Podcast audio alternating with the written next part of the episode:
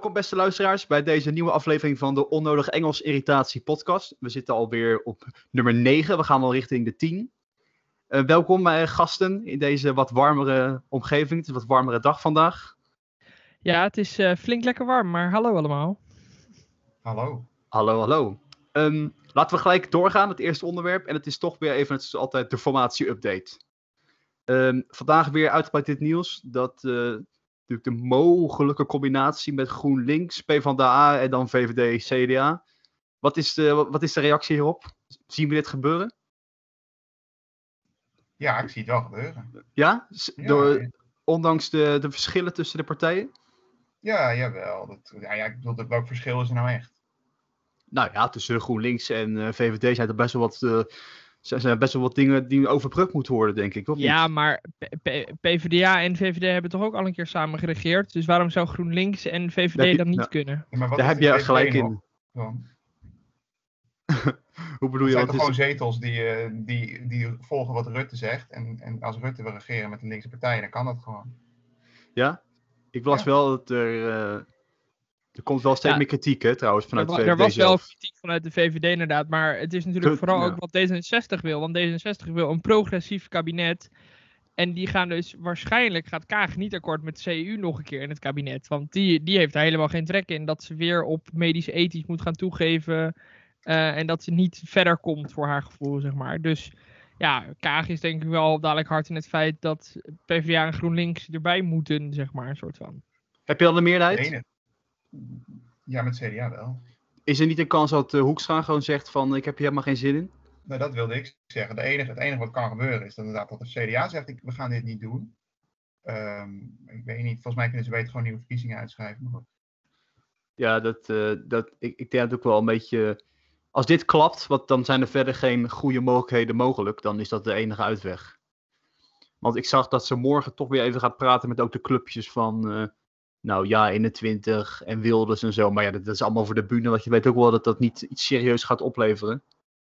Hoe, ja, zeg maar, George, wat wij zeggen? Nou ja, dat, dat is natuurlijk voor de bühne, maar ook weer niet. Want ze wil natuurlijk wel proberen om ehm, ze te luisteren naar hun ideeën in dat opzicht. En dan die misschien toch ook een beetje door te polsen bij de grotere partijen. Van, vanwege, vooral Eerste Kamersteun natuurlijk ook nog wel. Eh, dat je daar ook nog wel meerderheid moet gaan behalen daarna. Al was dat niet voor, voor iedereen natuurlijk nu een eis. Maar eh, ik denk dat ze dat wel in haar achterhoofd heeft, Hamer. Ja, wat ook wel opvallend is, wat ook wel een beetje vreemd is, dat iedereen heeft het erover dat het regeerakkoord, dat moet niet meer zo dik zijn en niet meer zo helemaal vastgepind. Dat moet wat losser, zodat er mogelijk is om te manoeuvreren en, en, en wat meer kritisch kunnen zijn.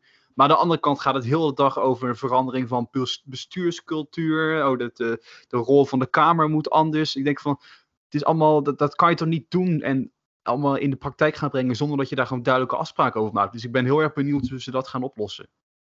Ja, ik ben ook benieuwd hoe ze dat gaan oplossen. Maar het is natuurlijk wel een flinke stap die ze nog moeten zetten in dat eh, opzicht.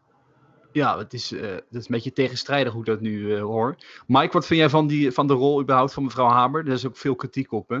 Helemaal niet gevolgd. Wat, Nee, wat, zou de wat is de kritiek? De, de kritiek is dat zij eh, de afgelopen weken is zij, heeft ze dagelijks allemaal verschillende belangenorganisaties aan de deur gehad. Die Oh, bij haar op het stoep mochten komen om ook een zegje te doen. Wat en daardoor ja. Ja, daardoor zijn onder andere de, meer de rechtse partijen, want het waren vooral, nou ja, toch wel, waren sommige belangenorganisaties die best wel een linkse inslag hadden, om zo maar te zeggen. Zeiden van ja, ze drukt te veel haar persoonlijke stempel op het proces. Ja, ik vind Dat het was... een beetje vreemd natuurlijk. Hè? Dan komt er zo'n jongerenvertegenwoordiger en die begint over klimaat. Maar die vertegenwoordigt toch helemaal niet alle jongeren? Want Ja. dan moet je toch gewoon naar de verkiezingsuitslag kijken. En dan moet je toch eerlijk zijn dat echt niet alle jongeren zoveel om het klimaat geven. Nou ja, als we naar de, ik, als we naar de verkiezingsuitslag kijken, dan eh doen Nederland heeft nog steeds gewoon centrum-rechts gestemd. Ja. en ja, wat ze straks voor terugkrijgen. Dus ik ben ook wel benieuwd eh, hoe dat, dat bij de volgende verkiezing, of dat niet een ongelooflijke weerslag gaat hebben. Nou, als je de cijfers bekijkt, de meeste VVD'ers weten eigenlijk niet wat ze anders moeten stemmen. Zelfs jaar 21 slaat niet echt zo heel erg aan. Nee, toch niet? Nee, jaar 21 slaat meer aan onder PVV'ers en FVD'ers die eh, een keer wat constructiefs willen dan onder de VVD. En George, zie jij dan D66 nog? Stel nou, het gaat toch lukken met een kabinet? Dan neem ik aan dat mevrouw Kaag ook een prominente rol krijgt. Zie jij dan nog voor je dat D66 nog groter gaat worden? Of is het wel een beetje de max? Ja, ik denk, ik denk dat D66 het nu dadelijk vooral moet gaan hebben met de lokale verkiezingen van wat er gaat gebeuren eh, met het kabinet. Ja. Uh, dus dat het lokaal en misschien op provinciaal niveau nog wel iets kan gaan uitmaken. Maar ja, regeren is meestal toch ook inleveren. En dit jaar was dat, deze keer was dat niet zo. Maar ik denk dat het over vier jaar misschien toch wel anders ga, kan gaan zijn. Bovendien weet je niet wat er in vier jaar gebeurt. Dus er kan altijd een crisis ontstaan waardoor ja. D66 extreem slecht wordt uh, in de verkiezingen. Maar in theorie denk ik dat we wel tegen een max aan zitten als je kijkt naar verhoudingen tussen rechts, links, midden, zeg maar. Om dat niet zo volgens maar even te zeggen. Want? Nou, heb je de cijfers niet gezien? De D66 kon echt nog, uh, nog best wel ver omhoog. Hoe, waar moet ik Ja. aan denken? Nee, maar Maurice had gepeild van uh, hoe, hoeveel kans geeft, u- geeft aan alle, onder alle stemmers, hoeveel kans geeft u dan D66? En volgens mij waren ze bijna even groot als dat de VVD nu is geworden. Zo. Ja, dat, het zou kunnen, maar het, het is twijfelachtig natuurlijk. Vooral als ehm, eh, Mark Rutte natuurlijk nog een tijdje blijft. Want Mark Rutte is wel Ja. de persona, zeg maar. Kijk, Maar stel Mark Rutte stopt ermee over vier jaar, om het zo maar even te zeggen. Dat Als- denk ik wel. Of drie, of Of drie, of twee, of één. Eh, je weet het niet. als het maar Eh, naast eh, dat hij de langste termijn heeft gehaald, dan wil hij er best mee stoppen, denk ik. Ja, precies. Zodra hij de tien jaar heeft aangetikt, dan eh, is hij weg. Is dat, zo, is dat zo belangrijk voor hem? Ja, ik denk ja, het wel. Hij, hij is historicus en hart en nieren. Hij, hij, hij wil die termijn halen. Hij wil de geschiedenisboeken in. Maar eh, ik denk inderdaad dat dan maakt D66 wel een kans. Voor, omdat het meer een gematigd geluid is, om het zo maar te zeggen. Ja, het zijn natuurlijk, VVD en D66 zijn allebei saaie middenpartijen wat dat betreft. En Nederlanders willen gewoon keihard genaaid worden door een middenpartij. Terwijl ze het idee hebben dat ze heel degelijk hebben gestemd. Mike, oh, oh, oh, oh, oh. Mo- Moest dat er nou, moest dat er nou weer in? Ik, ik zeg, ik gewoon zeg feit. laten, we, laten we doorgaan met iemand die Nederland echt heeft genaaid. Namelijk Ja, dat is een goed. Stuart van der Linden. Het is een mooi bruggetje, Mike. Ik vind het wel. van de- Inden is het toch? Eh, van Linden, ja, sorry. Ja. van Linden. Ja, ja het is wel en, een mooi bruggetje. Kijk, Ja, ehm, maar die heeft Nederland echt genaaid, wat ik bedoel. Kijk, wat ik, ervan, wat ik ervan vind, ik zal het zeggen, kijk, dat mensen in een crisis geld verdienen, vind ik op zich geen enkel probleem. Dat gebeurt gewoon overal. En dat is, ook, dat is in de geschiedenis altijd al gebeurd. Daar kan je al heel veel van zeggen, van eh, heb je geen moreel kompas of zo, maar oké, dat, dat is gewoon de praktijk. Waar het mij om gaat, is dat die het, eigenlijk het publiek heeft gebruikt en de tv's en de camera's en waar die overal allemaal niet was, om steeds maar te herhalen van er is geen winstoogmerk, het gaat echt alleen maar om de maatschappij. Ja, en, het dan gaat om in het, zijn maatschappij. en dan in het geheim zo'n hele constructie opbouwen om dan toch die 9 miljoen uit het zicht te houden. Dat, dat, dat is gewoon, dat, nou ja, gewoon een rat, om zo maar te zeggen. We- weet, je, eh, weet je wat ik nog het ergste eigenlijk persoonlijk vind? Is dat Tamara van Arkham gewoon helemaal verdedigt. In dat, ja, maar meneer Van Linden moet dan zelf maar zijn verantwoordelijkheid nemen. Terwijl zij donders goed weet, Van Linden heeft Ja. aan niemand verantwoordelijkheid verder. Behalve aan zichzelf. En hij denkt zelf, nou, ik kan weer een mooi nieuw huisje kopen. Want, ik bedoel, ja... Hij gaat echt niet zeggen, nou, hier heeft Nederland die 9 miljoen die ik heb verdiend terug. Die heeft hij lang uitgegeven waarschijnlijk. Ja, wat had op Twitter al over auto's eh, in het verleden die hij erg mooi vond, weet ik wat allemaal. Maar ik las nu net eh, het nieuws dat ehm, binnen het CDA zijn er klachten over hem gekomen. Hè? Mensen, dus nu is er een, c- binnen CDA heb je ook zo'n commissie die gaat over uh, royament en oh, over de, in, de integriteitscommissie of zo. Precies, en die gaan nu onderzoek doen. En er is natuurlijk, lijkt mij best wel gewoon een serieuze kans dat hij uit de partij wordt gegooid. Want dit is toch niet waarmee het CDA geassocieerd wil worden met deze... ja, dan is het, dan is het dag met je invloed, Siewert. Wat, eh, Mike, wat vind jij ervan? Ja, maar ik bedoel, het CDA maakt alleen maar rare, domme strategische keuzes. Dus het zou me niks verbazen als ze hem gewoon binnenhouden. Denk jij? Nee, deze, dit is Hij zo slechte pers. Hij houdt vrienden, want zo heeft hij ook die mondkapjesdeal er van 100 miljoen er doorheen gekregen. Omdat hij onder andere omzicht eh, en eh, contacteerde. En ook via die, zijn contact met, meneer de, met Hugo de Jonge. Ja. Dat stond in, op, althans, dat stond op de NOS. Dus ik neem aan dat. eh, Dat zal Enigszins wel waar is. onderjournalistiek voor, voor- gepleegd zijn. Dus Ja, ik denk dus dat dat waar is, eh, dus- punt is. Maar ehm, ja, ik, ik, ik volg hem ook al een tijd lang op Twitter. Omdat hij ook een paar keer bij de show van eh, Geen Stijl en bij Maurice de Hond is hij een paar keer geweest. Maar hij nam ook best wel veel mensen altijd de maat. Eh, ook, wat, eh, ook wat als het gaat om geld. Bijvoorbeeld ruzies met, eh, met Graaf Schimmelpenninck en daar noem het allemaal op. En als, je dan zo, als je dan zo zelf als het ware tevoorschijn komt met zo'n 9 miljoen winst. En die andere companen ook 5 miljoen. Die geven trouwens ook gewoon toe. Die wa- hij deed heel schimmig allemaal van. eh, contract en ik mag er niets over zeggen. En die companen zeiden gewoon gelijk tegen Follow the Money. Ja, u heeft gelijk, 5 miljoen inderdaad. Ja, maar die Dus ja. companen die hebben geen imago omhoog te houden. Siewert Nee. die heeft de hele tijd gezegd, ja nee, het is voor het goede doel. En eh, ik ga er geen winst over overhouden. En die companen dachten gewoon, ja, Siewert heeft gewoon gefukt. Eh, wij hebben winst gemaakt, wij zeggen het gewoon. En wat hij doet moet hij zelf weten, maar wij eh, komen gewoon uit voor onze daden, waarschijnlijk. Want eh, weet iemand überhaupt de naam van die companen? Ik heb het de hele tijd Nee, van Linden en companen. En ik weet niet wie die companen zijn.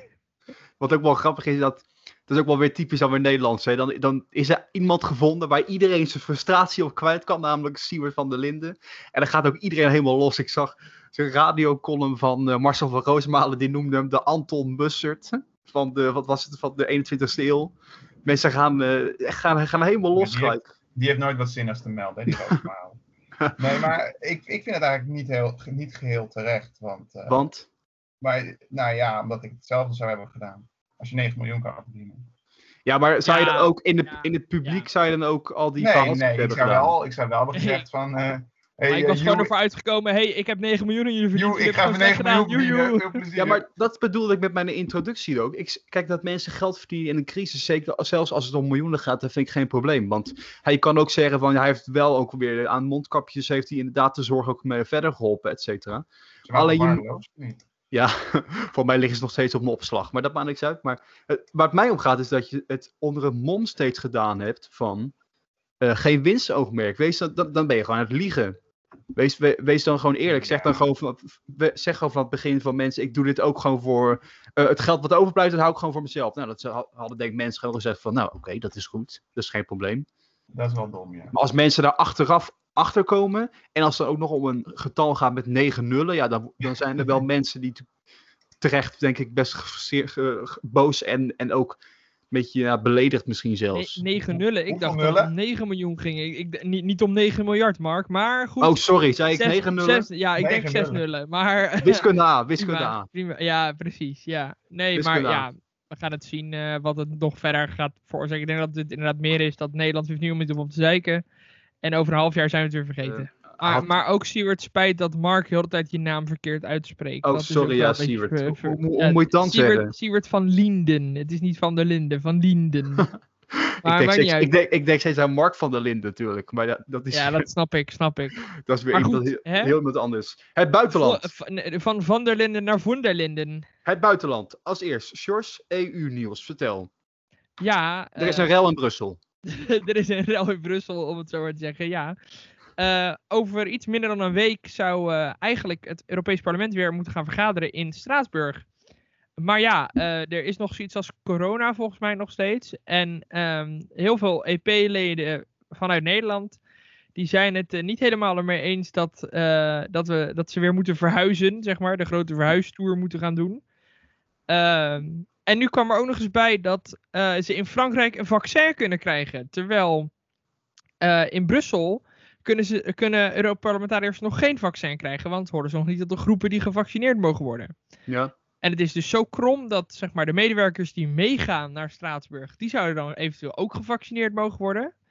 Maar de medewerkers die achterblijven in. Brussel, die mogen geen vaccin. Dus wat krijg je? Dat eh, Frankrijk is nu aan het proberen om de Europarlementariërs soort van naar binnen te smokkelen. Oh, daar gaat Maar het Euro om. Ja, ja. Europarlementariërs zeggen ja, maar je gaat voor tweedeling zorgen binnen onze eigen gelederen. Doordat er een deel wel gevaccineerd mag worden en een deel niet.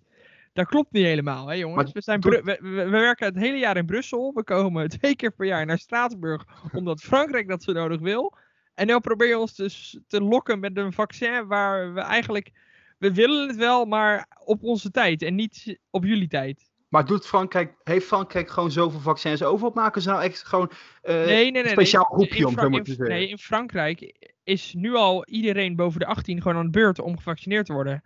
Het gaat anders daar dan in Nederland. In, in Nederland hebben we natuurlijk per jaar dat je dan gevaccineerd gaat Ja, worden. Maar ja, in ja. Frankrijk hebben ze nu dus gewoon gezegd: iedereen boven de 18 mag gevaccineerd gaan worden. Eh, en kan een afspraak maken, kan langskomen. En Ah. dat doen ze dus in eh, Straatsburg. Hebben ze dus een vaccinatielocatie, willen ze daar opzetten. Voor weliswaar de Europarlementariërs. Maar dat is in principe niks anders dan dat jij in een willekeurige stad in Frankrijk een vaccinatielocatie gaat opzetten. Omdat daar 200.000 mensen gevaccineerd moeten worden. Maar als ik, de gemiddelde leeftijd van de meeste Europarlementariërs, die zijn toch allemaal ongeveer al wel gevaccineerd, of niet? Nee, nee, nee, nee. Ja, ja de ouderen wel. Maar de, de gemiddelde leeftijd van een Europarlementariër is denk ik lager dan je denkt, Mark. Want er Ja? zitten nog best wel wat jonge, jonge mensen toch wel in het Europarlement.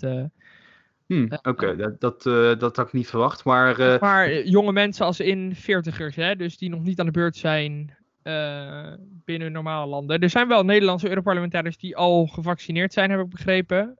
Ehm, in Nederland. Maar eh, ja, de- bijvoorbeeld Samira Rafaela van eh, D66, die is, eh, dat is eind 20 uit mijn hoofd gezegd. Ja, die is nog niet aan de beurt. En nu mag ze in één keer, zou ze wel mogen, terwijl de rest van haar staf dan niet mag.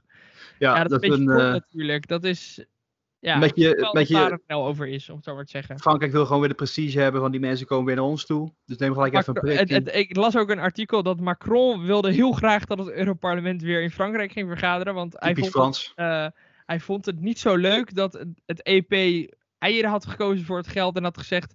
Ja, we vergaderen niet meer in Straatsburg. Want ja, weet je, ik vind het meer, meer dan logisch. Want als je moet verplaatsen tijdens een pandemie, lijkt me nou niet echt heel handig. Maar eh, Macron vond een beetje, ja, maar het staat in de, in de verdragen dat jullie bij ons moeten vergaderen. Dus eh, jullie komen maar, dat idee. En dat ik denk, ja, Macron, leuk en aardig. Maar de enige reden dat erin staat is omdat Ah, eh, jullie als Frankrijk denken dat jullie de motor zijn in je eentje. Maar George, van- over een paar jaar zit Marine Le Pen er en dan kom je helemaal niet meer in Frankrijk met het Europees Parlement. Dus dan is het, eh, is het helemaal opgelost. zo is het maar net. Maaike, we gaan door naar Duitsland. Want in Duitsland is er ook nieuws als we het hebben over, de, over de, natuurlijk de alternatieven voor Duitsland, de AFD. Daar Wat, eh, voor? Ja, Daan die eh, is absent, dus wij moeten het maar even doen. Oké. nieuws, uit- nieuws uit Saxe. Eh, ja, Saxe of Saxe-Anhalt? Ja, Saxe-Anhalt toch? Of was het Saxe? Welke van de Nee, twee was was, het? Het was Saxe-Anhalt. Nou, Ja. in Duitsland zijn natuurlijk meerdere interessante dingen aan de hand. Vertel. Ehm, namelijk de strijd in de richting van de, van de parlementsverkiezingen volgend jaar. Dus Mhm. Eigenlijk staat alles in het kader daarvan. Het gaat natuurlijk tussen de Groenen en de, de CDU-CSU. Mhm. Ehm, waar nu overigens eerst waren de Groenen aan het winnen. Nu zie je dat de CSU langzaam weer aan het, aan het stijgen is in de peilingen.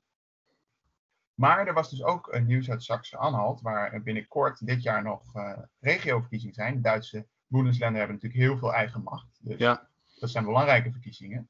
Daar staat echt wat op het spel. En daar bleek opeens dat de alternatieven voor Duitsland, dus de nationalistische partij, ehm, het grootste was.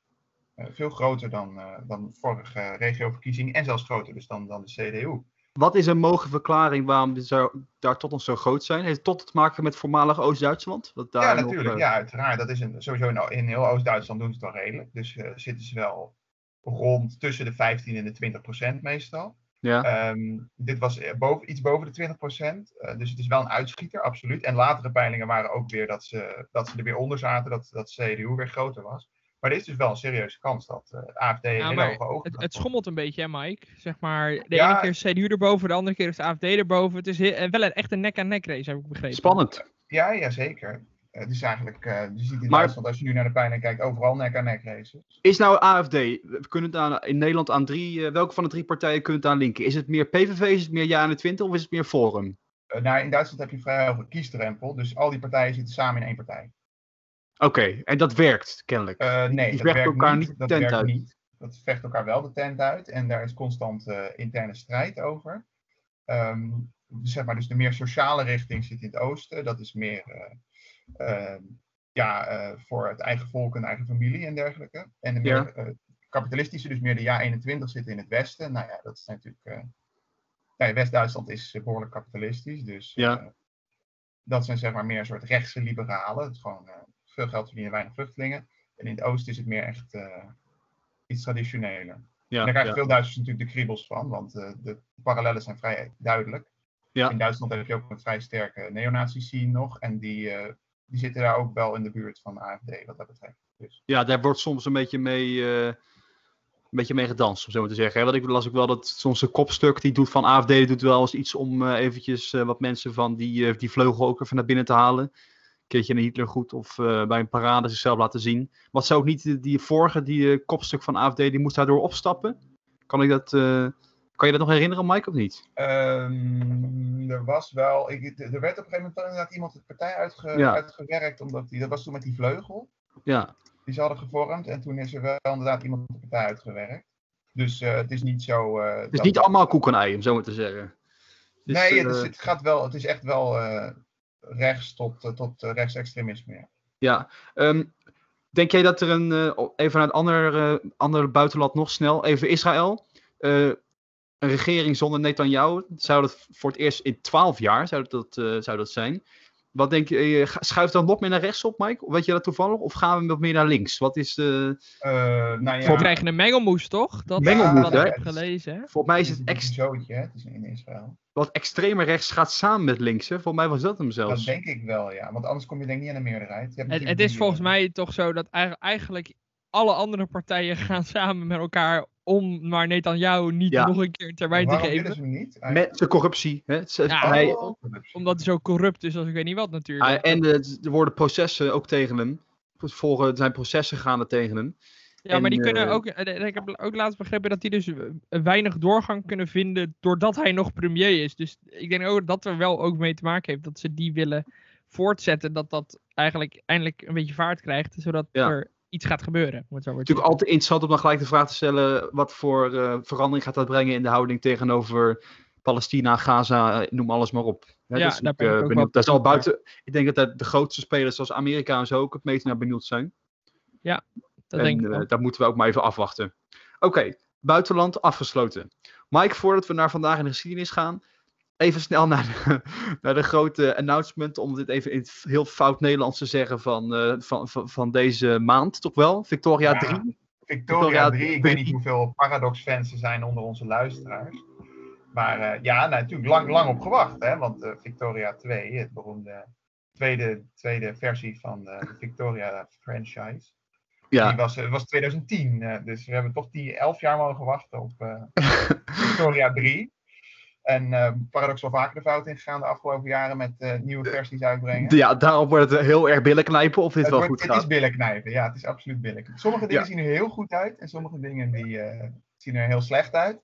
Dus het is billen knijpen. Ja, dat wordt even afwachten. Maar we wouden het toch even noemen, dat we er toch wel enthousiast voor zijn. Ja, we zijn er wel enthousiast over. Oké, vandaag in de geschiedenis, 2 juni. Ehm, als eerste, iets waar we alle drie wel wat van weten, namelijk 1793. De Jacobijnen grijpen de macht. Frankrijk, begin van de terreur. Doet ons denken aan ons eerste jaar op de universiteiten. Toen hebben we hier Zeker, uitgebreid, hebben we hier uitgebreid eh, les in gehad. Sjors, waarom is het toch wel erg belangrijk? Waarom moet het genoemd worden? Waarom moet het genoemd worden? Heb Nou, je, om- je kennis nog paraat over de Franse ik, revolutie? ik heb mijn kennis nog wel een beetje paraat natuurlijk. Eh, ik, ik heb er toen ook een paper over geschreven. hè, Daarom bij, eh, vraag ik het ook. bij de al, al groot eh, professor Duindam, om het zo maar even te noemen. Ehm, nou, waarom is het belangrijk? Ehm, eh, de revolutie verandert daarvoor van, daardoor van karakter. Ehm, Tweede revolutie zelfs, zo zeggen sommige ja, mensen. ja, precies. Eh, maar de, de, als, je de hele, als je de hele periode als één revolutie ziet, wat historisch misschien een beetje onjuist is, maar goed, als we het als één periode zien, dan eh, verandert de revolutie heel erg van karakter en begint het ook eh, wat meer te gaan over naar buiten toe treden en wat minder alleen over het eigen land. Mhm, En ja. uiteraard natuurlijk iedereen die ook maar een beetje gematigd was. Oh, eh, je bent gematigd? Oké, je hoofd onder de guillotine. Klaar. Hop, Ja. probleem opgelost. Ehm, het, ja, het wordt allemaal wat gewelddadiger daar in Frankrijk daardoor. Het was natuurlijk al gewelddadig tegenover de adel. Maar nu gaan ze ook elkaar, zeg maar, Ja. eh, bevechten. Een beetje zoals de AFD in eh, Duitsland, eh, Mike. Maar alleen dan is de AFD nog wel, zeg maar, Zonder Een- guillotine. zo- zonder guillotines. Nog niet. Mike. Wat wil jij nog aan toevoegen over de Hier, Jacobijnen? hier aan toevoegen. Oh, niks. niks. Ja, het, le- het legt natuurlijk ook de, de, nou, zeggen, de bakermat, om zo maar te zeggen. Het, het, het brengt de ingang voor Napoleon, hè, om later de macht over te brengen. Zonder de terreur van de Jacobijnen hadden we geen Napoleon gezien. Nee, maar Omdat kijk, nog- dat kun je natuurlijk Ja, van alles in de Franse geschiedenis zeggen. Dus- Ja, dat is, dat is altijd heel turbulent, dat klopt, in, in Frankrijk. Maar eh, hoe, weet je dat trouwens, hoe kijkt men in Frankrijk daar tegenwoordig op terug, op die tijd van de terreur? Dat weet ik eigenlijk, weet ik dat eigenlijk zal niet. wel eh, aan de, liggen welke partij je stemt, denk ik zo. Ja, want de Jacobijnen kunnen we het meest linken aan. Wat, welke, waar moet ik aan denken? Ehm, De Kom je- Jacobijnen is later eh, de radicalen, maar die zijn er niet echt meer. Die zijn Nee. Marie, en Marine Le Pen? Nee, Marie, eh, Marine Le Pen is eigenlijk nog niet in te delen in dit tijdvak. Nee, precies. Nee, Maar ja, ja, nee, ik denk, dat je niet links echt een natuurlijk. directe, ik denk niet dat je echt een directe afstammeling nu kan. Nee, je aan- hebt niet een directe afstand, maar het is wel zo dat, kijk, links is wel, zeg maar, vindt de Jacobijnen wel cooler dan rechts, om het zo maar te zeggen. Ja, maar je moet toch wel een extreem links denken om echt nog supporters te vinden van eh, de ideeën van Robespierre en noem alles maar op. Nou, dat valt denk ik wel mee. Ja, valt het mee? We gaan, het, we gaan ze eens een keer mailen. We gaan het gewoon vragen. Ja. Tweede, tweede. 1946, 2 juni. Toch even snel noemen. Italië kiest in een referendum voor de, de staatsvorm van republiek. En niet van monarchie. Mike, waarom was dat toch wel een wending? Want- Doodzonde. Doodzonde, ja. Want Italië was toen al voor hoeveel jaar monarchie? Nou, wat is Nou, het? ja, al- nou ja, Italië bestond niet zo lang, maar in Nee, Italië maar- waren natuurlijk al, al ja, precies mensen. Monarchale staten, monarchie. ja. ja. Maar Nou ja, in hoeverre was de, de dreiging van het communisme heeft bijgedragen aan die, eh, aan dat, aan die referendumuitslag? Want in Italië natuurlijk Ja, de jaren na de oorlog. vraag. Dat, eh, dat weet ik niet precies. Daar kan ik natuurlijk alleen maar over zeggen dat Italië de dreiging van het communisme heel reëel was. Ja, wat was Maar populair wat ook. precies de bijdrage was, dat weet ik niet. Eh, wat natuurlijk wel zo was, is dat eh, de communisten niet op de koning hebben gestemd Nee, toen ze die keuze kregen. En daarom zie je ook dat de uitslag voor, zeg maar, eh, voor de republiek in het noorden heel hoog is. En in het zuiden voor de monarchie. Ja. Wat nog En- steeds zo is misschien tegenwoordig. Misschien jij nog bij. Ik weet, is er nog een, een partij in Italië die het over een herstelling van de monarchie heeft? Volgens mij een kleintje, maar die is wel heel kleiner. En dan ga ik natuurlijk aan Sjors de vraag stellen. Sjors, weet jij wat de huidige stand is van de voormalige Italiaanse koninklijke familie?